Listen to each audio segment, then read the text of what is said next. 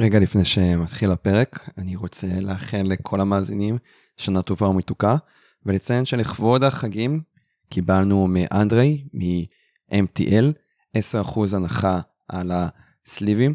במקרה הוא גם קיבל סליבים חדשים, סליבים בגימור מט, בגדלים שונים, אז אתם מוזמנים להיכנס לאתר של mtl.com ולקבל 10% הנחה. בנוסף, הפרק הזה מוקדש לאלמוג שמש, שתמך בנו בקמפיין ההדסטארט שלנו. אלמוג, תודה רבה על התמיכה. אני מעריך אותך בתור חבר קהילה. הביקורות שלך, יחד עם קבוצת אה, מודיעין, כיף לקרוא אותם. תמשיך להיות בן אדם מדהים. ובלי יותר מדי, בואו נתחיל. וברוכים הבאים למשחקי עתירה. משחקי עתירה הוא פודקאסט על משחקי קופסה. אם אתם גיימרים, עוד גיימרים, חדשים או ותיקים, יורואיסטים, או מריטרשרים, אז הגעתי למקום הנכון. אני אמיר קושניר, בואו נתחיל. מצטרף אליי היום ארז שניידר, מה קורה ארז? וואי, מרגש להיות פה, היה מל... עבר מלא זמן מאז ש... אני לא יודע מה, מה נסגר פה, אני שמעתי כרגע את הקהל מריע לי, אז אני כאילו זורם על זה. התגעגעו אליך, אני השתגעתי. כן? יואו, איזה כיף, כן. כן.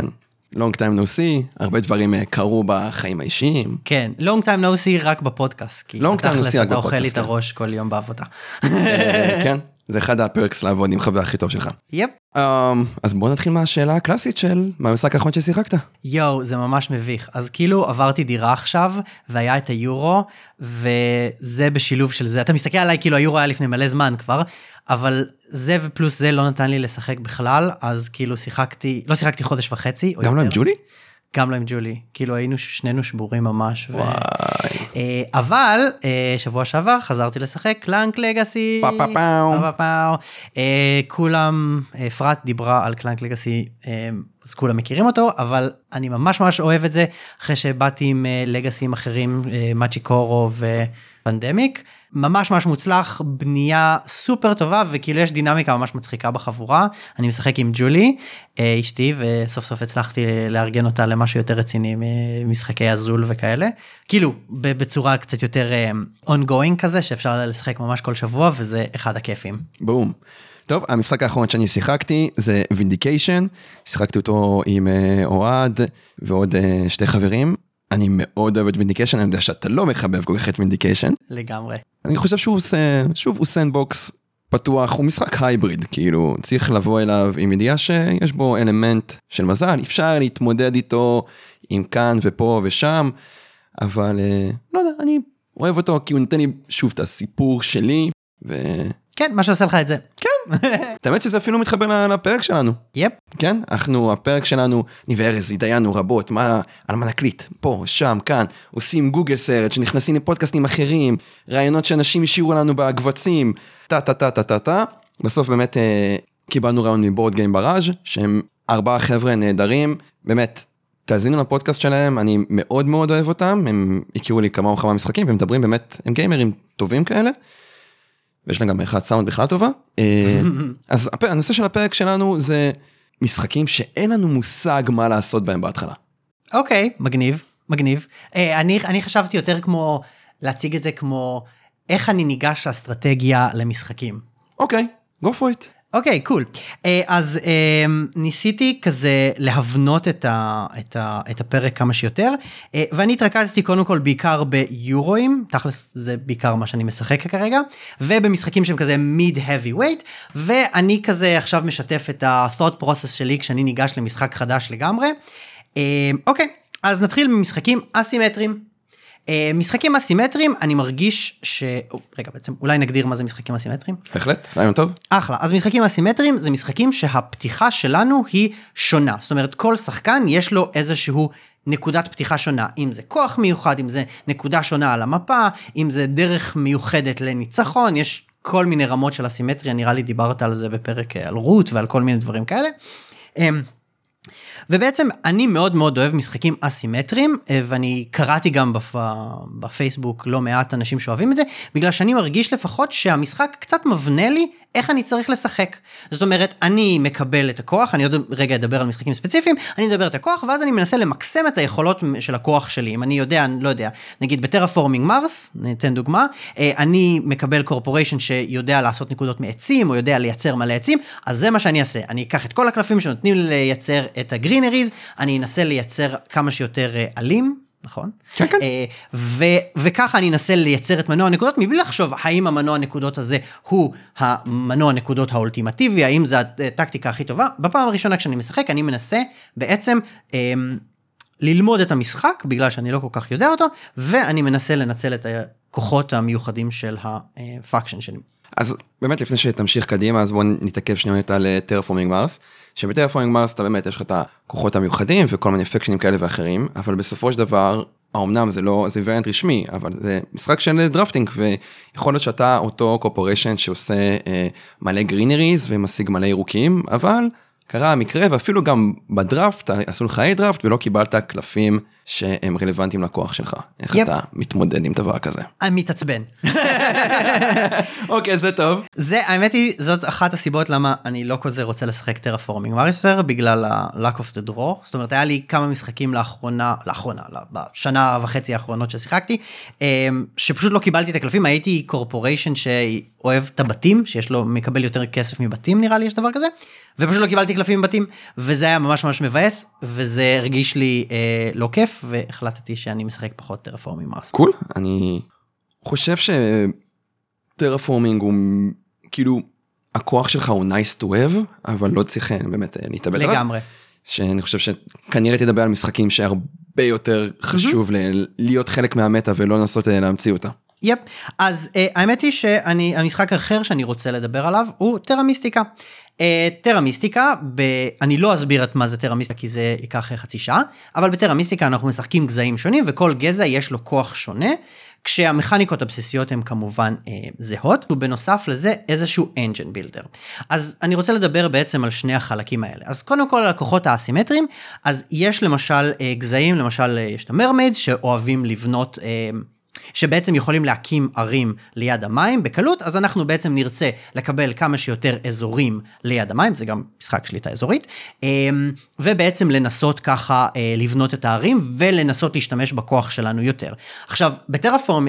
אה, ב- בטרה מיסטיקה ברגע שנכנסים אה, קצת יותר לעומק מבינים שיש meta הרבה יותר עמוקה יש בעצם איזשהו track שנותן לנו נקודות כל סיבוב ואנחנו נרצה to follow the track ולנסות לבנות את הדברים בזמן הנכון וככה לבנות את המנוע ובעצם להתאים את המנוע שלך לאיפה שתקבל נקודות אבל אני בתכלס בהתחלה די מתעלם מזה ומנסה לנצל כמה שיותר את הכוח של ה faction שלי בשביל בעצם לבנות קדימה. והשלב השני בעצם זה במשחקי engine builder אז לפחות להרגשתי יש הרבה פעמים חלוקה בין פאקשנים שנוטים לבנות את המנוע יותר ובסופו של דבר בגלל שיש לך מנוע חזק בסוף המשחק אתה תקבל נקודות ופאקשנים שנוטים לעשות יותר נקודות ניצחון על ידי כוחות טבעיים שלהם. אה, במשחקים כמו טרה מיסטיקה בהתחלה לפחות אז אני די מבין שאני כנראה לא אצליח לנצח, או כנראה לא אצליח לעשות איזה סקור מטורף, ולכן אני רוצה לא להיתקע. טרה מיסטיקה הוא משחק די לא סלחני, ואם עשית כמה דברים די מטופשים, או בזבזת את המשאבים שלך בתחילת המשחק ולא התקדמת מספיק, אתה יכול להיתקע ברמה של עושה פעולה, עושה פס, עושה פעולה, עושה פס, וזה לא כיף לראות את האנשים נגיד עושים 30-40 פעולות במשחק ואתה עושה 15, ולא רק שלא ניצחת, אלא גם לא עשית כמעט כלום במשחק. אז אני מאוד מאוד אוהב גם להמליץ לשחקנים חדשים וגם בעצמי לשחק את הפאקשנים שהם יותר כלכליים, גם אם הם בסופו של דבר לא יצליחו להמיר את המנוע שלהם לנקודות ניצחון, כי הרבה יותר קשה להיתקע איתם. למשל, בעצם בטרה מיסטיקה אחד הדברים שהם יותר קשים זה שיש לנו hexים, ובכל hex יש צבע, ול faction שלנו יש גם צבע, וככל שהצבע יותר רחוק מהצבע של ה faction שלי, אני צריך להשקיע יותר משאבים בשביל להמיר אותו, כדי שאני אוכל לבנות עליו. אז יש faction שאחד הפעולות המיוחדות שלו, אם הוא בונה בניין, הוא פשוט להמיר כל צבע לפ... לצבע שלו.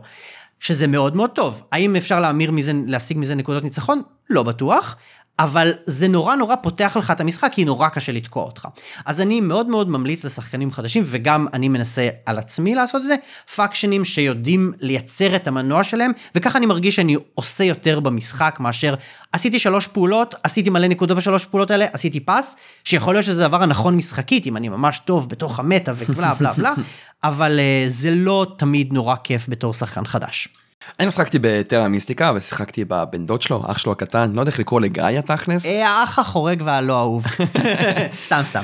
אז גיא היה מאוד overwhelming, כאילו המשחק הראשון היה כזה, אוקיי, מה?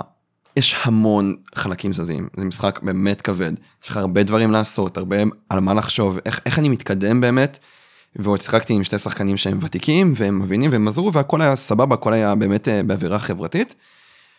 אבל זה היה כאילו מסוג המשחקים האלה שבאמת הייתי יותר בחוויה של אוקיי אני רוצה להבין את המכניקות, רוצה להבין מה קורה פה, מה שם, וספורט בלי שאני אקח את המקום האחרון, אבל בוא, בוא נקבל את הפיל של המשחק, וקיבלתי פיל של משחק נהדר, של משחק שאני רוצה לשחק בו עוד, יאללה צריך. יאללה צריך, ו... אבל כן, שהוא בהחלט משחק שיש לו meta, ואם אתה משחק עם מישהו שיש לו בחגורה, לא יודע, חמישה משחקים עליך, מותר לי שהוא ינצח אותך. כן, ינצח אותך ודי הרבה, כי כאילו אתה מבין קצת את ה flow של המשחק. אני חושב שבכלל כל השיחה שלנו בפרק הזה, ת, תתרכז בלדבר על flow של המשחק מבלי להגיד ה flow של המשחק, אמ, בגלל ש... כשאתה נכנס למשחק חדש אתה לא יודע what makes sense what doesn't make sense יש למשל בטרה מיסטיקה וגם בגאיה פרויקט איזושהי פעולה um, של כוח שאתה צריך לנצל כוח ולעשות אותה שהיא הר... מאיזשהו שלב במשחק הרבה יותר חזקה מכל הפעולות האחרות ובעצם יש גם איזשהו um, פעולות שבתחילת המשחק נורא חזקות ובסוף המשחק לא כל כך חזקות. עכשיו אם אתה סופר חכם ובלה בלה בלה אז אולי אתה תבין את זה אני לא הבנתי את זה בחמישה משחקים הראשונים ששיחקתי. אתה עכשיו אומר את זה ואני כזה אני הבנתי את זה אני חשבתי על זה בכלל לא. אני די בטוח שלא. אני, כאילו אם לא היית אומר את זה, כנראה שהייתי עולה זה רק במשחק החמישי. יפ. אז כאילו, הם, הם, לנווט את, את המשחק הראשון בהצלחה, מבלי להיכנס לבור של אוקיי, מה אני עושה? אה, אז בעצם הסוג השני של המשחקים שאני רוצה לדבר עליו, ואני בטח אצטרך את עזרתך כי אני לא זוכר, אה, עברתי על רשימת המשחקים שלי ולא מצאתי הרבה כאלה, אבל אני עייף. אה, אז משחקים עם end game goals, וזה משחקים שאני מאוד מאוד אוהב, ובעצם נורא קל לי לכוון את עצמי לכיוון מטרה. אני לא יודע אם זו האסטרטגיה הנכונה ביותר, אבל אני רוצה ל... ל... אני רוצה בעצם to meet the end game goals, הרבה פעמים יש גם מי שעושה את זה ראשון מקבל יותר נקודות על פני האנשים השניים, אתן עוד שנייה כמה דוגמאות, וזה נורא קל לי לכוון את המשחק שלי לכיוון זה, ובעצם זה כאילו מוריד ממני את המעמסה של לנסות להבין את המשחק במשחק ראשון, כי יש לי מטרה שמישהו הציב לי שם ואומר לי, תעשה את זה, זה כנראה רעיון טוב, וההנחה שלי היא שהמשחק מספיק מוזן, ושמי שהולך על end game goals זה גם, כל עוד הוא לא מזניח לחלוטין את כל שאר הדברים, אז הוא will do okay at least. אז רגע, לפני שאנחנו באמת אה, ממשיכים קצת קדימה, כשאתה אומר end game goals אתה מתכוון טריגרים לסוף משחק או דברים שאנחנו נקבל עליהם נקודות בסוף המשחק. דברים שנקבל עליהם נקודות בסוף משחק או באיזשהו שלב במשחק. קול, cool. אז המשחק הראשון שאני רוצה לדבר עליו הוא יוקוהמה, הוא אולי לא הדוגמה הכי טובה לזה, אבל הוא משחק ממש מגניב שרציתי לדבר עליו מלא זמן, אז הנה ההזדמנות. אז בעצם ביוקוהמה אנחנו נגיד סוחרים יפנים. כן, לא? כן, נראה לי. אתה, יש דגים ויש אה, אה, סילק אז. עיירת מסחר? זה כזה הרבור כזה זה כן זה זה עיר נמל אמ, ביפן. אמ, אז בעצם המשחק הוא משחק מאוד מיוחד יש לנו את הלוח של המשחק אני אסביר אותו בממש שלושה משפטים. אז יש לנו את הלוח ויש לנו שני סוגים של uh, מיפלים יש לנו את הקוביות הקטנות שהם העובדים ויש לנו את הביג בוס שהוא בעצם עושה בשבילנו את הפעולות. בתורנו אנחנו שמים כמה קוביות על כמה אזורים שונים בלוח ובעצם שמים את הביג בוס שלנו על הטייל שאותו אנחנו רוצים להפעיל כמות הנקודות ש... כמות העובדים שיש לנו שם והביג בוסים ובניינים שאחר כך נבנה נותן לנו בעצם פעולה קצת יותר חזקה כשבעצם הביג בוס זז רק על פני ה... רק על פני טיילים שבהם יש לנו עובדים. אז בעצם זה מין פאזל מרחבי כזה שבו אני מנסה. שבו אני מנסה לפזר את העובדים שלי, ככה שגם בפעולות הבאות יהיה לי מה לעשות, אבל גם בפעולה הזאת אני אוכל לעשות את הפעולה שגם אני רוצה, וגם אני, אמ, שגם אני רוצה, וגם שאני אעשה אותה כמה שיותר חזק, ובאותו זמן אני מנסה קצת לחסום את האנשים האחרים, כדי שהם לא יוכלו לעבור דרך איפה שה big boss שלי נמצא, או שיצטרכו לתת לי כסף, ואז אני נותן איזשהו מין פאזל מרחבי נחמד כזה, ויש שם איזשהו mid game scoring כזה, שבו הראשון שעושה את הדברים המסוימים, למשל בונה שלוש, שלושה בתים, או שם את העובדים שלו על איזשהו אה, דוכן שמגיע לזה ראשון, ובעצם נורא נורא קל לי לכוון את המשחק שלי לשם. אני יודע שאני רוצה להפעיל את הבניינים האלה והאלה והאלה, הם ייתנו לי משאבים כדי לבנות עוד בניינים, ואז אני אוכל בעצם להגיע ל end game goal שלי, ואז יש לי איזה משהו שהוא מכוון אותי בעצם לאיזשהו משהו שאני רוצה לעשות כדי לעשות uh, scoring. כן, אני לא כל כך זוכר את יוקוהמה כי שיחקנו אותו לדעתי לפני הרבה מאוד זמן, די כן. ואני לא ממש זוכר את החלק הזה, אבל משחק ש... לא יודע, קופץ לי כזה loop ישר, שהוא באמת עושה את ה end game scoring, זה Clans of Caledonia, כי גם אנחנו בסופו של דבר לגמרי מזיזים את, ה... את ה tracker שם. לגמרי. Clans of Caledonia, יש שיגידו שזה הגרסה הפשוטה מאוד של טרה מיסטיקה, ארז עושה לי לא באופן אה, מופגן. לא שחקתי טרה מיסטיקה, אבל שוב שחקתי את גאיה, וכן, אני לא מצליח באמת לראות את הדמיון בין המשחקים. מה שכן, כאילו, זה משחק שאנחנו משחקים שבטים סקוטים בסקוטלנד. כן. בחבל ארץ, כן, סקוטים חיים. כן, בחבל ארץ שנקרא קלדוניה, איפשהו אה, נפתח המסחר עם ארצות הברית, אנחנו מייבאים מארצות הברית, כן, סיריוסלי? כן, אנחנו מביאים מהם טבק וקנה סוכר וכותנה. אה, אוקיי לא ידעתי שיש את הבקסטורי הזה. כן. וקיצר אנחנו שוב בונים איזה סוג של אה, מנוע כלכלי אפשר להגיד וחלק מהמשחק אתה משלים חוזים וכשאתה משלים חוזים אתה גורם לעלויות של הטבק של הסוכר לעלות ולרדת. מהמם. ולצורך העניין אם עכשיו השלמתי מלא חוזים של אה, טבק והטבק עכשיו ממש שופע בשוק כביכול מהמם. אז הוא שווה פחות נקודות וצריך כן. למצוא כזה את האיזון של איפה איפה להיות עם המשאבים. יש גם איזה מיני תחרות כזאת של מי שהשלים הכי הרבה חוזים ועוד איזה מיני תחרות בדיוק. של הערים הפיצול של הערים כאילו נכון. ו... אז אני חושב שדווקא הפיצול והחוזים זה אחלה דוגמה, כי בעצם זה נותן לי איזשהו משהו לכוון אליו בסוף משחק. אני רואה שנגיד בתחילת המשחק הצלחתי להתפשט קצת ויש לי יחסית הרבה ערים, סבבה, זאת המטרה שלי. המטרה שלי היא להיות ראשון בהכי הרבה ערים, ואני מניח שזה בעצם יבנה לי את המנוע, בגלל שאני בונה הרבה בניינים, זה נותן לי יותר משאבים, וככה אני יכול להשלים קצת חוזים ולעשות נקודות. כנ"ל לגבי אה, חוזים, אני רואה שבתור או שניים הראשונים הצלחתי להשלים יותר חוזים מאחרים, יאללה, הולכים על זה ומנסים להשלים כמה שיותר חוזים. אז זה כאילו נותן לי איזושהי הכוונה לאיך כדאי לי לשחק את המשחק שלי ועל מה להתמקד. הבנתי אז אפשר אולי גם להתייחס לסלט נקודות כמשהו כזה סוג של כן, כאילו אני לא כאילו דיברתי קלדוניה אפילו, לא כן. קלדוניה זה לא סלט נקודות בשום צורה אבל כן. אני פשוט אומר שהמקום הזה של ללכת לפה לעשות שם ולהתמקד ודווקא דווקא בסלט נקודות זה לא דוגמה נכונה כי סלט נקודות אתה מנסה להתפרס כמה שיותר ופה אתה יותר מתמקד. כן, אז נגיד מה שעוד משחק שעלה לי זה Castles of Mad King Ludwig. שבתכלס, אוקיי, מה זה Mad King Ludwig? אה, זה משחק שאני מאוד מאוד אוהב, מכרתי אותו כי אף אחד לא רוצה לשחק איתי אותו. כי יש בזה bidding כן, מה אני יכול למרות לעשות? שזה bidding חכם כן, זה אחלה bidding, זה מאוד מאוד נחמד. אבל אני סתם hater. אתה מאוד hater.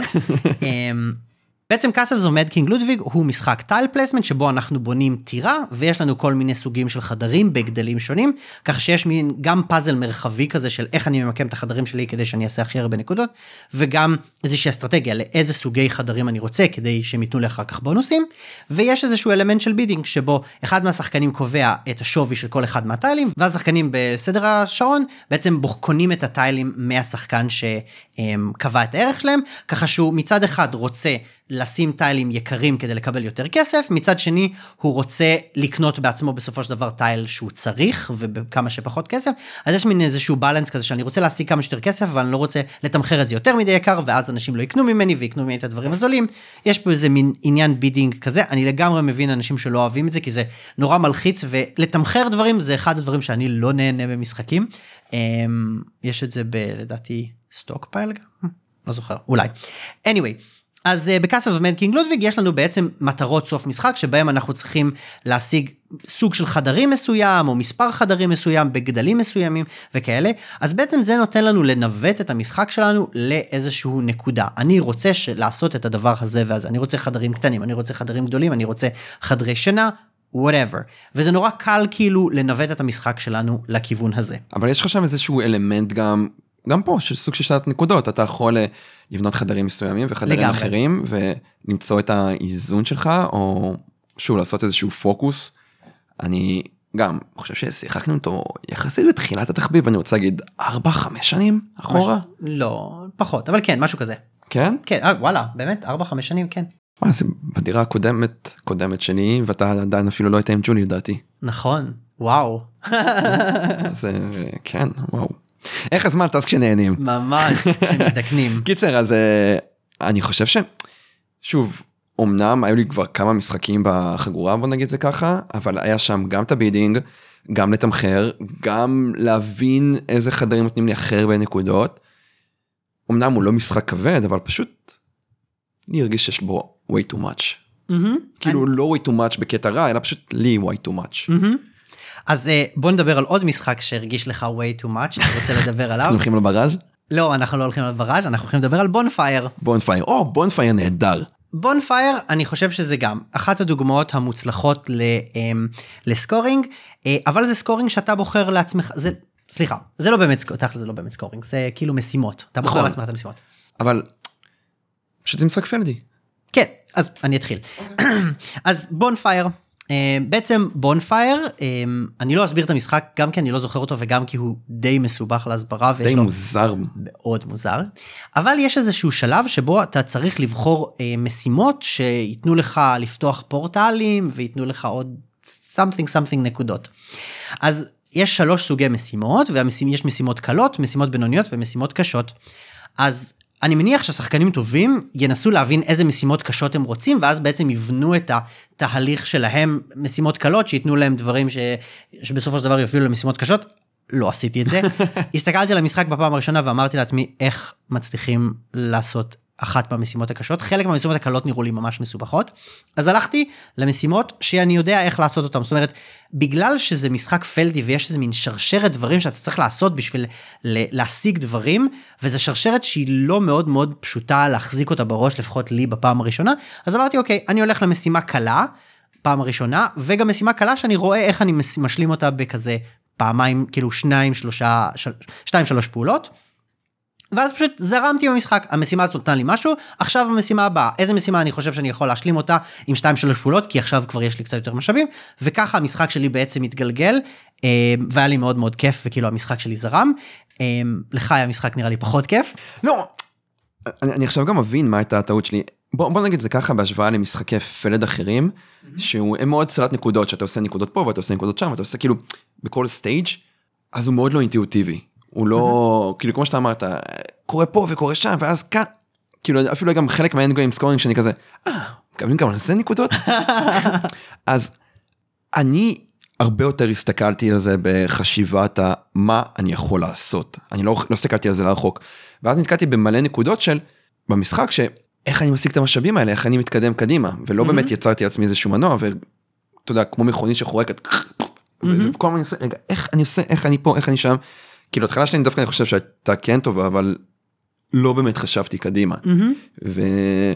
ואז כאילו כזה במיד אנד גיים אני כזה אני תקוע וזה זה הרגשה באסה במשחקים. לגמרי זה מה שאני ממש ממש מנסה להימנע ממנו זאת אומרת לנצח זה אחלה אני תמיד שואף לנצח אבל לא להיתקע זה הרבה יותר כיף כי להיתקע ממש מקלקל חוויה. כן כן ואז גם אתה נכנס לאיזה loop כזה של AP ואתה אפילו כשסיימת כן. את המשחק וואי קושניר אני חושב שזה המשחק שהכי הרבה חשבת בו. כן לגמרי. וזה לא משחק כזה כאילו זה משחק שהוא הרבה יותר כאילו משחקים שפלדים מאוד אינטואיטיביים כאלה ואתה טק טק טק טק טק טק. כן, אני חושב שגם אולי מביא אותך עם ציפייה קצת שונה.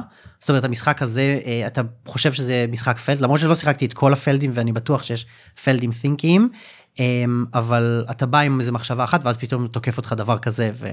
כן זה כאילו מצד אחד המשחק מרגיש מאוד פמיליאר מצד שני הוא נתן לי חוויה מאוד כאילו שונה. כן. אוקיי, אז משחק אחרון שאני רוצה לדבר עליו בז'- בסוגה הזאתי, בסוגה הזאת. בסוגה הזאתי, בז'אנר הזה. בז'אנר. אז המשחק האחרון שאני רוצה לדבר עליו בז'אנר הזה זה Champions of Midgard.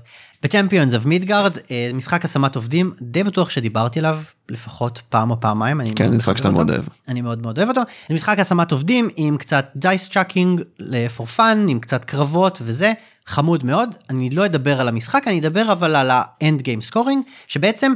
בתחילת המשחק כל אחד מקבל קלף עם secret objective ואחת הפעולות שאתה יכול לעשות זה לקבל עוד secret objective. עכשיו דיברתי עם ג'ולי עם אשתי אה, על המשחק הזה והיא נורא נורא אוהבת אותו ואחד הדברים שהיא אמרה לי שהיא נורא אוהבת אותו בגללה זה האנד גיים אובג'קטיבס האלה ומה שזה שזה מכוון אותה למה היא צריכה לעשות במשחק היא לא צריכה to figure the game out יש לה מדריך שאומר לה אוקיי אם תהרגי הכי הרבה טרולים תקבלי 6 נקודות וזה בעצם אה, יעשה לך את המשחק מהמם. זה לא עושה משחק מהמם כי זה ממש מעט נקודות אבל זה אחלה דרך לפקס את השחקן ולהגיד לו כדאי לך להתמקד בזה הכל הוא כנראה לא רע אבל בוא תתמקד בזה וככה תעשה נקודות. אני לא מסכים איתך. אני מאוד לא מסכים איתך. כי כמו אוקיי. שאמרת זה קצת נקודות ואתה יכול לעשות הרבה יותר נקודות פשוט מריידים. וכאילו. זה- כן לא. אבל אתה עושה אתה עושה ריידים כחלק מהמשחק. כשאני משחק משחק בפעם הראשונה, אני כנראה אעשה קצת מהכל, או קצת ממה שהשחקן הכי טוב אמ, עושה. עושה. אני אעשה ריידים, אני כנראה לא אתמקד בריידים הנכונים, ואז אשלב קומבואים של לקחתי ב raid, קיבלתי משאב, קניתי עובד, טק טק טק טק טק טק טק, אבל אני אצליח כאילו לפזר את עצמי, אולי, או להתמקד באיזשהו משהו שכנראה נותן לי מנוע נקודות, וזה בעצם איזשהו גייד כזה שאומר לי, כדאי לך להתמקד שמה, כי אתה תעשה מזה נקודות. נכון, בצ'מפיונס אולי זה לא הדוגמה הכי הכי טובה לזה, אבל אני חושב שאם אני אחשוב עוד 10 דקות, אז אני אחשוב על כמה משחקים שאתה מקבל אה. אני דווקא, כאילו, מה שהייתי לוקח אולי מצ'מפיונס, זה את הקטע של, אה, יש לך שלושה צבעים של המפלצות. כן, נכון. אז אה, אם אתה עושה סריה, אתה מקבל עוד נקודות או משהו, אז זה דווקא, הנה עוד משהו שאתה יכול אה, יפ. to focus on. זה, וגם לא לחטוף מהטרול, זה, יש, שם, יש שם דווקא דברים מאוד חמודים מבחינת אה, נקודות ותוך כדי משחק. אחלה. אז אה, עוד סוג של אסטרטגיה שאני רוצה לדבר עליה, זה debt taking. לקחת אה, חוב.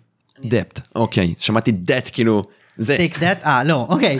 אז אמ, לקיחת אוי חוב. אוי, זה משהו שאני ממש שונא. אז האמת היא שזה גם משהו שאני ממש שונא, מה, וגם... אתה מדהים בברס ובכל מיני משחקים כאלה ואתה אפילו אומר כן זה טוב לקחת את החוב כי אז אתה ככה ואתה מחשב יפה, זה. בדיוק, בדיוק, על זה בדיוק זה אני רוצה נורא. לדבר. אתה כאילו כי אני, אני אגיד את זה שוב כ- כאמיר הבן אדם. אני מעולם לא הייתי במינוס מפחיד אותי להיכנס למינוס אני כאילו לא לא יכול לחיות עם המחשבה הזאת יותר מזה אני לא יכול להיות עם המחשבה הזאת של לקחת הלוואה. כאילו כשפתחתי את הבר לקחנו הלוואה ופה אבל זה כדי למנף ופה ושם וגם לא באמת אני התעסקתי עם זה כי רק הבאתי כסף והחשבונות ופה ושם. אבל המחשבה של להיות בחוב כאמיר שוב לא לא אמיר השחקן מפחידה אותי. אני חושב שזה, האמת היא, גם מאוד מאוד מפחיד, מפחיד אותי, וצריך לדעת לנווט בזה. אני חושב שיש משחקים שעושים את זה ביותר עדין, ומשחקים שעושים את זה בהרבה יותר קשוח, נדבר עוד רגע על שניהם. אה, אבל אני חושב שזה משחקים ש... הרבה פעמים אני מנסה כזה להסתכל או מנסה לשאול אנשים אחרים, תגידו, לוקחים חוב, זה סביר, זה לא סביר? כי הרבה פעמים אתה לא ממש יודע את ההשלכות לונג טרם של ההחלטות שלך, ואז אתה בעצם צריך כזה להתייעץ עם אנשים אחרים שקצת יותר יודעים, וזה מאוד מאוד מתחבר למה שדיברנו, כדאי לך להכיר את הפלואו של המשחק. ולכן משחק אחד בברס, ברור לך לחלוטין שאתה צריך לקחת הלוואה, וגם די ברור לך מתי אתה צריך להפסיק לקחת הלוואות. אני חושב שגם ב... אמ, אגריקולה. לא, על ריקולה נדבר בסוף, כי אל תיקח הלוואה אף פעם, אה, או אל תיקח הלוואה אלא אם כן זה המשחק המאה שלך. זה מזכיר לי, שמעתי היום פודקאסט של אה, טרה מיסטיקה, ויש איזה בחור שהוא אלוף העולם באגריקולה, ואז הוא עושה, כן, אה, תראו, אם יש לך משחק שאתה לא הולך להיכנס אליו נורא עמוק, ואתה תשחק בו נגיד ככה רק איזה עשר פעמים בשנה, אז אל תזה, ואני כזה, אוקיי, לא דוד, עשר פעמים בשנה זה אני כזה... עף על המשחק הזה בטירוף וכאילו אני רק מנסה לשחק אותו כל הזמן. וואי עשר משחקים בשנה זה, זה כן. רק פילרים בערך. כן, כאילו תחשוב על זה אבל שבתכלס כאילו תרב, כזה תרבות הקולג' אז אתה כזה משחק כל הזמן. אתה זוכר שלירון ויאר היו אומרים שהם משחקים מלא קרקסון וגיים אוף ת'רונס וכאלה. אז כאילו אתה יכול לשחק שלוש פעמים בקולג' אמריקאי כנראה שאתה תעשה דברים אחרים וגם אתה. בבאר שבע עושים דברים אחרים פשוט יאר מהר מאוד נכנס לזוגיות. אז, אה, ואם אתה לומד בתל אביב כמו שאנחנו למדנו אז תגיד תודה בכלל שיש לך חברים. כן זה נכון לא בתל אביב זה היה על הפנים אבל כאילו ב, אתה מלא, שומע מלא סיפורים כאלה מהאמריקאים של כזה כן אני ה roommate שלי היו בקטע של טרה מיסטיקה ואז הם פתחו מועדון והיה, והיה כזה מין leader board עם כל מיני צ'אלנג'ים וזה ומי ניצח ופה ושם. ו... ככה תום הכיר את סם הם התחילו לשחק אה, קוסמיק בקולג' ולתום היה כיף איך אני. מחשב שקר כזה. ואז, ואז הבחור הזה מדבר כן אז אם אתה רוצה לנצח את ריג'נלס כאילו יש להם קונבנצ'נס שהם ריג'נלס. ונשיונל וכאלה ואני כזה יואו איזה אדיר זה כאילו מרגיש לי שאם הייתי גדל בארצות הברית החיים שלי היו הרבה יותר יפים. שמע בארץ אתה יכול ללכת לאליפויות של קטן יש שם איזה אלפייה למקום ראשון. אני לא רוצה ל... הבן אדם היה אלוף קטאן גם ואז הוא אמר אה, אני לא משחק קטאן זה לא משחק טוב. איזה מפלצת. הוא, כן לא הם שם כזה הוא כזה מתמטיקאי something something. זה כמו כאילו, מישהו כזה שהוא אלוף. העולם בפוקר והוא אלוף העולם בבלק ג'ק ואלוף העולם ברולטה אני לא יודע. אז לא, לא יודע אבל כאילו אתה יודע זה גם לא משחקים אה, רשמיים כאילו שאתה יאללה אז בוא נדבר רגע על ברס כי זה אחת הדוגמאות הטובות ל debt taking שהוא יחסית קל אז בעצם ברס הוא משחק כלכלי אה, מונחה קלפים אה, אנחנו משחקים industrialist בעידן התעשייתי, ב- כן. החלום שלי שאתה תבוא כל פעם שאני מסביר משחקים אתה אני אגיד אנחנו משחקים ואז אתה תשלים את מה אנחנו משחקים ותיתן את אבל ה background. רואים את זה אפילו על הלוח, הכל מאוד לא בולט לא כזה. לגמרי לגמרי אבל יש לך דרך לנסח את זה ואתה קראת את ה backstories של כיף. קלדוניה. אני בחיים לא. יש בפילדס אוף ארל יש ספרון שלם של backstory על היקום המומצא שה... הייתי קורא את זה. what the fuck. לא. כאילו ספציפית לפילדס אוף ארל לא, אבל אם הייתי מקבל כזה דבר. עם- בכאוס נגיד סבבה. נכון, ב- לא יודע. בכאוס קראתי בזמני הפנוי הלכתי וקראתי את זה באינטרנט. כן. anyway, אז אנחנו משחקים אה, תעשייה... תעשיינים כן. ב- במהפכה התעשייתית באנגליה אני מניח. כן כן כן. אמ, זה בעצם אוקיי זה משחק card driven שיש לנו כמה סוגי קלפים וקלפים מציינים או ערים על המפה שבהם אני יכול לבנות איזה תעשייה שאני רוצה או תעשייה מסוימת שאני יכול לבנות אותה לפי בעצם הריץ' שיש לי לפי איזה ש... איזשהו אזורים שאני מחובר אליהם אני יכול לבנות חיבורים בין ערים ואז לקבל על כך נקודות ולמכור סחורה לקנות סחורה וכולי וכולי. אמ, תכל'ס זה לא למכור סחורה לקנות סחורה זה יותר אה, למכור תכל'ס לקנות ולמכור אה, מוצרים בשביל אה, לבנות את המנוע שלי וכולי ובעצם נראה לי שזה עושים פעולה ואז סיבוב אינקאם סיבוב אינקאם נכון פעולה לא, כולם משנים את הפעולות שלהם, משנים את הקלפים. ומתי יש אינקאם כל כמה שנגמרים הקלפים. או... כן. לא לא. יש לך מלא אינקאם במשחק אבל. כן יש לך מלא אינקאם. אבל לא כל ערה. יש- אני לא יודע מתי נסיים את הערה אבל כל כמה פעולות אני לא זוכר אה, לא שיחקתי ברס ים זמן. אתה לא אוהב? זה לא שאני לא אוהב, אני פשוט לא טוב בו. כאילו אתה ממש, אני כאילו תמיד כזה, או למפלצת פה. אתה מנצח תמיד לא? לא. בקיצור, אז בעצם זה משחק כלכלי, יש לנו כסף, אנחנו עושים פעולות, ואחרי כמה אה, פעולות שאנחנו עושים, אנחנו מקבלים איזשהו אינקאם, אבל האינקאם שלנו הוא לא תמיד מספיק בשביל אשכרה לממן את מה שאנחנו רוצים לעשות, ועל כן אחת הפעולות שאנחנו יכולים לעשות זה לקחת אה, הלוואה, לקבל כסף, לרדת ברמת האינקאם שלנו, וככה בעצם ל... לשמן את גלגלי המנוע שלנו, כשכמו שדיברנו על זה לפני שנייה, לקחת הלוואה זה לא פעולה טריוויאלית, זה נראה כאילו אתה פונה, כאילו אתה פוגע גם ביכולת שלך לייצר עוד כסף בעתיד ואתה צריך להבין מתי זה כן מתי זה לא אז בדברים האלה במשחקים כאלה אני מנסה לה- להבין את השטח ובעצם במשחקים שזה סלחני יחסית כמו ברס אתה כולה יורד קצת באינקאם שלך אבל אתה מקבל הרבה כסף בשביל לעשות בוסט אז זה מאוד מאוד כדאי בהתחלה ולאט לאט כמובן שזה פחות משתלם. אה, אבל ברס הוא מאוד מאוד סלחני אמ, בדבר הזה. אוקיי, אז משחק מאוד דומה בפיל שלו, של הלקיחת הלוואות, זה להב. בלהב, נכון. אתה אומר נכון כי לא, ידע, לא זכרת בעצם שיש מנגנון לקיחת הלוואה, כי כן. זה אפילו לא היה אופציה מבחינתך. אבל אם אתה מרגיש שאתה נתקע במשחק, כדאי לקחת הלוואה בלהב. אני לא אסביר את מה זה להב, זה... דווקא מאוד פשוט להסביר אותו. יאללה תסביר. יש לך כאילו את הנמל הזה של ההב ונכנסים והסירות ואתה בתוכה יכול לעשות אחת משתי פעולות או לקחת את כל המשאבים מאחת הסירות או לבנות בית. או לעשות פעולה על בית, לא? כן אבל זה המשחק ברור שיש לו עוד ניואנסים קטנים כאלה ואחרים אבל אני חושב שאיכשהו בנוי זה נהדר וחבל שאין עוד משחקים שעושים את זה. כן. יש משחקים חדשים נגיד, אה, בטח גלריסט מנסה להגיד דבר כזה. לא באמת.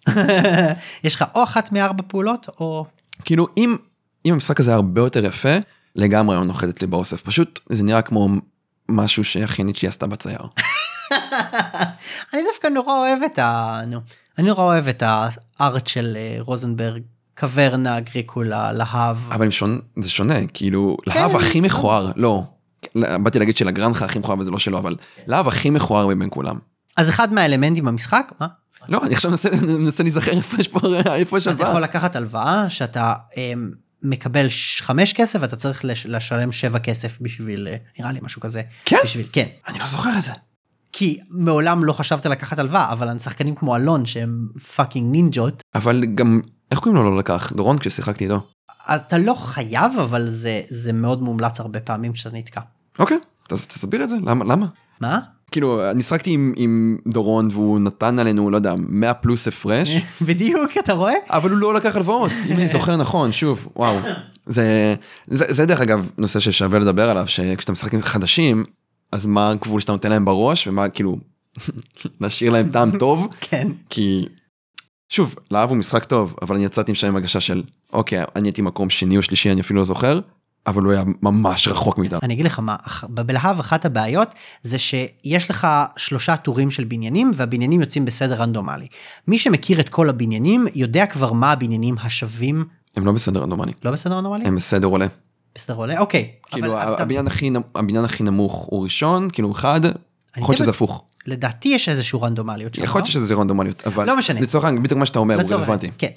אז בעצם בלהב יש לנו אה, שלושה טורי בניינים שמהם אנחנו יכולים לפנות ויש בהם איזשהו סדר כזה עולה ואנחנו צריכים האמת שזה מתחבר אולי קצת למה שדיברנו בהתחלה קצת לכוון לבניינים החזקים בסוף. עכשיו אני כשאני מתחיל לשחק במשחק אני לא מסתכל מה יש בסוף. כאילו אני בסוף אני אתמודד עם מה שיש בסוף בסוף. זה טעות מוחלטת אבל אני לא מצליח לעכל את כל מה שקורה במשחק ולהגיד אה אני אבנה את זה ואז יהיה לי את המשאב הזה ואז אני אבנה את זה ואז יהיה לי את המשאב ההוא ואז אני אבנה את הבניין הממש שווה. מי שמכיר את להב ונדבר עוד רגע על אגריקולה מי שמכיר את אגריקולה יודע לתכנן רחוק. ומי שיודע לתכנן רחוק וכאילו קצת לבנות את הסיפור של המשחק שלו בתור הראש, ברור אה, שאנשים י- י- יקלקלו לך את התוכניות ודברים אה, ישתנו וכולי, אבל אם אתה יודע לבנות את הסיפור שלך בראש ואתה יודע מה האנד גיים גול שלך ואתה מכיר את הבניינים ואתה יודע את המטה של המשחק ואתה יודע, אה אני יודע שהבניין הזה מייצר ממש מלא דברים שאחר כך בסוף אני יכול לבנות את הסירות הממש ממש שוות האלה וכולי וכולי, אז הוא ייתן לך בראש ב-100 פלוס הפרש.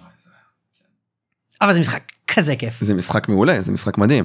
ודווקא אני חושב שמה שמיוחד במשחק הזה, גם אני חושב שאני באיתי את אחת הסירות היותר יקרות, אבל along the way, דורון פשוט צבר יותר נקודות. יפ, לגמרי לגמרי לגמרי, ואני בטוח שהוא לקח הלוואה, דורון תאשר את זה. אז בלהב בלהב ההלוואה היא לא נורא נורא חמורה כזאת, אתה מקבל נראה לי חמש כסף ואתה צריך להחזיר שבע כסף ובסוף המשחק היא שווה קצת. היא פשוט מאבדת לך קצת יותר נקודות אם אתה לא מצליח להחזיר אותה, אבל זה לא משהו שהוא end gaming לחלוטין. סיפור לא קשור בכלל, אבל שיחקתי את זה עם אה, מנואל ואלון, וסיימנו את המשחק, ואז אני כזה, אה shit, הפסדתי בנקודה, ואז אלון כזה היה ממש מבסוט שהוא ניצח, ואז כזה, אה לא רגע, שכחתי שיש לי קלף שנותן לי עוד איזה 2-3 נקודות, וניצחתי, ואני כזה, זה היה ממש לא כיף לעשות את זה, כי הוא היה כבר כזה, כולו כזה, ואה, ניצחתי וזה, זה מגניב. אה, אז אה, אל תעשו את זה, זה לא cool. אני מאוד מזדהה עם הקטעים האלה של, כאילו, לפעמים חשוב לעשות את ה... עוד פעם scoring, ואז כזה, או, כן. פספסתי כאן נקודות. מהמם. לרוב זה קורה במשחקים כמו טרפורמינג, שיש לך מלא מלא קלפים של כן. סוף משחק. אז המשחק הבא שנדבר עליו על debt taking זה סטון אייג'. סטון אייג' משחק שלדעתי כולם מכירים או הרבה מאוד מכירים. אה, משחק השמת עובדים מאוד מאוד בסיסי שדי gateway להשמת עובדים. יש בו אתה שם את העובדים שלך במקומות מסוימים אתה זורק קוביות כדי שהם יצודו או יחצבו או ייקחו משאבים. או יביאו ילדים. או אתה מביא ילדים או אתה מקבל טולס שאחר כך משדרגים לך את הקוביות וכולי וכולי. אה, אחת האסטרטגיות אה, שיש שם זה אסטרטגיית הרעבה.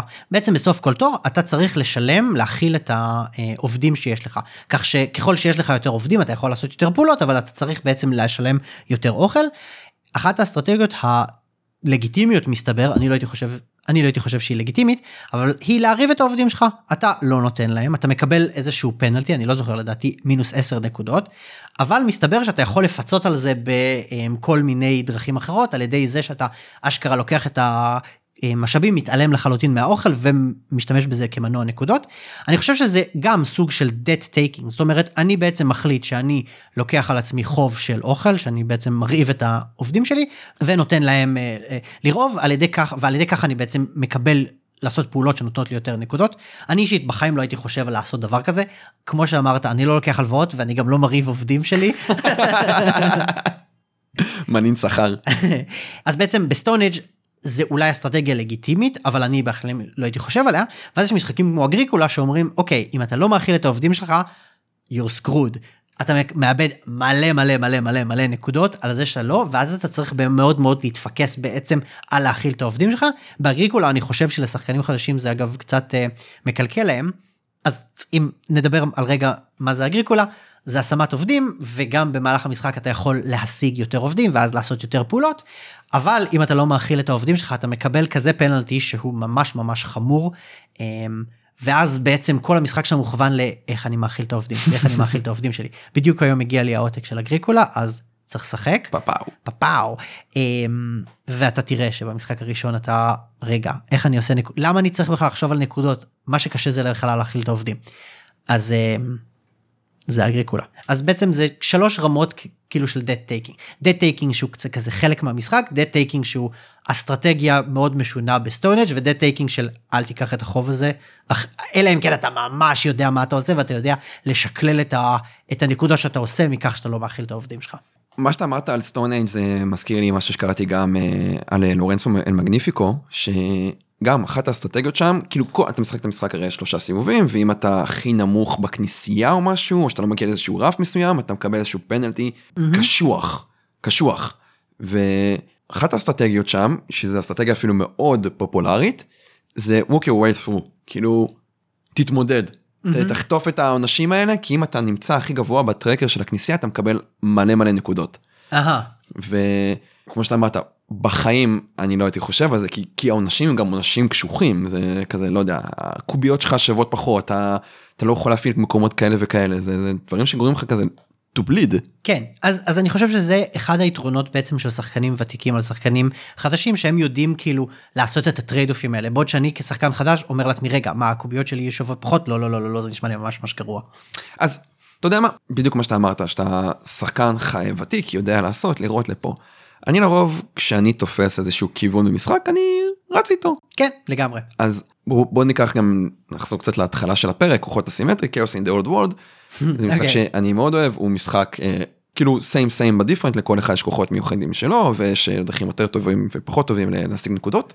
אבל למשל, קראתי ב-BGG שהם קורן, שזה אל שהוא רוצה להתקדם דרך הגלגל ולהילחם באחרים ובלה בלה בלה בלה בלה בלה, הוא הצליח לנצח בנקודות, שזה משהו שאני אפילו לא הייתי חושב עליו לעשות אותו. ו... כן אבל אני מניח שבכאוס אין דה אולד וורלד בגלל שיש שני סוגים של ניצחונות אז אתה מניח שבטעות אתה יכול לנצח עם קורן עם נקודות כאילו לא בטעות אבל כאילו אתה המשחק. נווט למקום כזה שבו פתאום איכשהו יש לך אתה הצלחת אה, להשמיד אזור אה, להפיל אזורים לקבל עליהם נקודות ואז אתה באיזשהו נקודה מובילה. אני אופתע מאוד אם יש מישהו שזה אסטר... זה האסטרטגיה שלו ואתה יכול לבנות על זה אני חושב שזה יותר כמו סיטואציה במשחק שקרתה ובה אתה אומר לעצמך אוקיי it makes sense. הוא, כן, אני חושב שזה מה שקראתי שם, שהוא שיחק משחקים חדשים, והוא היה קצת טרול, והוא אמר, אוקיי, הסיטואציה מתאימה, אבל אה, כן, כאילו, לצורך העניין כאוס זה משחק שמאוד מכתיב לך מה לעשות, חוץ משני גזעים שהם כזה in between. כן אני דווקא חושב שכאילו קרון מכתיב לך מה לעשות אבל השאר נורגל רץ על נקודות, ורק סלנש וצין שהם ורסטיליים, שהם יכולים ללכת או על נקודות או על אה, גלגל. כאילו כן. נורגל, אם אתה רוצה לנצח איתו על גלגל, אחד קשה לו מאוד להתגלגל. אחד קשה להתגלגל זה טוב. כאילו יש לו הרבה יותר אה, ספוטים על הגלגל. וגם קשה לו יותר לעשות את התנאי. כן אבל מה שאצלי קשה בכאוס לפחות זה איך אני לראות בתחילת התור איך אני עושה נקודות כי קל לקלקל לך בטירוף. הורגים לך את הקלטיסטים אה, משגרים לך אותם למקומות אחרים וכולי וכולי. ונורא נורא קשה לי וזה למה מצד אחד קורן הוא כזה מלחיץ ואתה צריך להילחם להילחם להילחם להילחם להילחם. מצד שני זה כזה אני רגוע אני יודע מה אני צריך לעשות. מישהו אמר לי אני צריך ללכת לכאן תהרוג אותו. אני צריך ללכת לכאן תהרוג אותו. יש מלא קלטיסטים יאללה תבוא תעשה את הקלף שהם לא יכולים לברוח והכל טוב. כן. כיף להיות קורן, כן. כיף להרביץ לאחרים, אני זוכר שאתה, היה כמה משחקים רצופים שהייתי קורן, ואז אמרתי שמישהו אחר ייקח את זה ממני, כן, זה, לגמרי. אתה מרגיש מאוד נסטי. כן מאוד nasty וזה גם קצת חד גוני באיזשהו מקום. אמ, עוד אה, נושא שנגעת בו זה אסטרטגיות כאילו שהן מאוד חזקות במשחק ואתה לא באמת אה, מבין ואתה לא חושב לקראת סוף המשחק אז בספיריום למשל גם גיליתי את זה תוך כדי אה, שיטוטים ב-BGG יש שתי אסטרטגיות עיקריות בספיריום זה כאילו worker placement מאוד אה, אני אגיד מוזר כזה מאוד מאוד מוזר. כי אתה מניח את העובדים שלך ואז אתה יכול לקחת את העובד בחזרה ולקבל כסף או לקחת מבנה ולשלם את המחיר של המבנה פלוס המחיר של המיפינים שנמצאים לידו ואיפה שהוא תופס לך מקום בעיר שלך. קיצר זה סוג של area control עם worker placement עם משהו כלכלי. מאוד מוזר העניין הוא שיש שם כמו שאמרתי שתי אסטרטגיות מובילות או אחת לרוץ על האינקאם או השנייה של לבנות uh, מפעלים ויותר מזה הסיבוב השלישי הוא תמיד אותו סיבוב זה תמיד אותם קלפים שנפתחים ואז כאילו מי שמכיר את המשחק הוא יודע אוקיי עכשיו הולך להיפתח מבנה שעולה ככה וככה ואני צריך להגיע עם ככה וככה כסף. ואם אתה לא מכיר את המשחק אתה כזה אוי כאילו תמיד תמיד שמשחק שמשחק אקספיריום ומשחק משחקים חדשים אני כזה אוקיי ימיר הכל טוב הם מלפניך והנה עכשיו אתה קונה את את המבנה החזק והנה ניצחתי שזה לא כזה cool כמו שאני זה. לא cool. זה לא cool אבל לרוב אני נותן את האזהרה הזאת שבסיבוב האחרון יש בניינים שממש ממש שווים אולי אני צריך גם להראות אותם. אני חושב שכן, אני כאילו חושב שיש משחקים כאלה, אה, זכור לי פילדס אוף ארל נגיד, וואי זה משחק שכל כך הייתי אבוד בו. אז אז בתחילת המשחק אני מנסה להגיד לאנשים אוקיי יש איך עושים נקודות זה אה, ממש לא ברור כי אתה כזה אני עושה פעולה אם אני מסתכל מה היא נתנה לי נתנה לי חצי נקודה אני נותן עוד פעולה נקודה אתה מסיים בסוף עם איזה 100 בערך אתה כזה אוקיי איך זה amounts to 100 נקודות ואז אתה בדיוק. רואה שיש לך. כי בתחילת המשחק כמו שאמרתי אתה לא מסתכל על כל הבניינים יש שם איזה 20 בניינים שאתה יכול לבנות אתה אומר סבבה זה בניינים ממש יקרים אני אסתכל עליהם אחר כך יעזוב אותי. אבל אם אתה מכוון את עצמך לבנות את הבניינים שנותנים 15 נקודות או 15 נקודות ו- ועוד איזה בונוס שווה אז אתה יכול להגיד אוקיי זאת המטרה שלי אני רוצה להשיג משאבים כדי לבנות את הבניין הזה ואיכשהו it will work. אז אני נגיד בתחילת המשחק אומר לאנשים אוקיי תסתכלו זה שווה מלא מלא נקודות כדאי לכם להתמקד על לפחות אחד מהם. אז אה, ואז הבניין, הבניין שאתה מכוון אליו אתה לוקח אותו לפניהם. כן פילדס הוא אני חייב להגיד שהאימפלמנטציה של worker placement לזוג מעולה. רוזנברג ממש שיחק אותה שם. לגמרי. היית כל כך breathless אה, לא אני כאילו ממש הייתי אבוד וכאילו גם כנראה במשחק השני או השלישי אתה תיתן לי בראש אבל אבל אני לא חושב שאתה תהיה כזה אבוד במשחק. שני. אתה כבר מבין את ה flow, אתה מבין את השדרוגים של הבתים, אתה מבין, אתה כבר יודע שכל הזמן רצים לנסות לשדרג כמה שיותר מהר. it makes sense. כן כן טוב cool היה מאוד cool היה מאוד cool, דיברנו על מלא משחקים טובים. בהחלט דברי סיכום. אה, אם אתם רוצים לשחק הרבה, אל תביאו ילדים ואל תעברו אף פעם דירה. אבל בסופו של דבר אה, אוליביה תגדל ויהיה לך עוד מישהו לשחק איתו. וואי וואי, לגמרי לגמרי. ותחשוב. לך כאילו כזה. אתם תהיו שלושה שחקנים אתה וג'ולי ואוליביה. מה זה אוליביה תעשה לנו בית ספר. בום. מה הילדים שלו עוד עושים לנו גם בית ספר. זהו בדיוק אז יש לי יש לי שמור בבוקמרק את הפרק עם אוהד על איך לגדל ילדים שחקנים בום. כשהיא תגיע לגיל שם לו את זה על ריפליי כזה בזמן השינה אני שם לו את זה כדי שזה ייכנס ל... אני קיבלתי תגובות מאנשים שהם משתמשים במשחקי עתירה. כאילו אתה יודע אנשים שמים אה, הארנב השובב וכל מיני שירים כאלה של ילדים אז הם פשוט שמים אותי ברקע והילדים ממש ממש מתברר אוהבים אותי. אני מרגיש כמו יובל המבולבל. וואי אתה סלב כאילו במקומות שאתה לא חשבת שתהיה ממש. כן קיבלתי כמה תגובות כאלה זה, זה מאוד מצחיק. טוב אז לכם המאזינים אני רוצה להודות שהצטרפתם אלינו לפרק נוסף של משחקי עתירה. ספרו לנו בתגובות איך אתם ניגשים למשחקים בפעם הראשונה איך אתם בונים את האסטרטגיה לקרוב לרחוק מבקשים טיפים אתם נותנים טיפים. ספרו לנו מה תנו טיפים תיתנו טיפים. תיתנו טיפים don't be assholes. מה אתם חושבים על הקטגוריות שארז נתן? אנחנו סיימנו תמשיכו לשחק. ביי.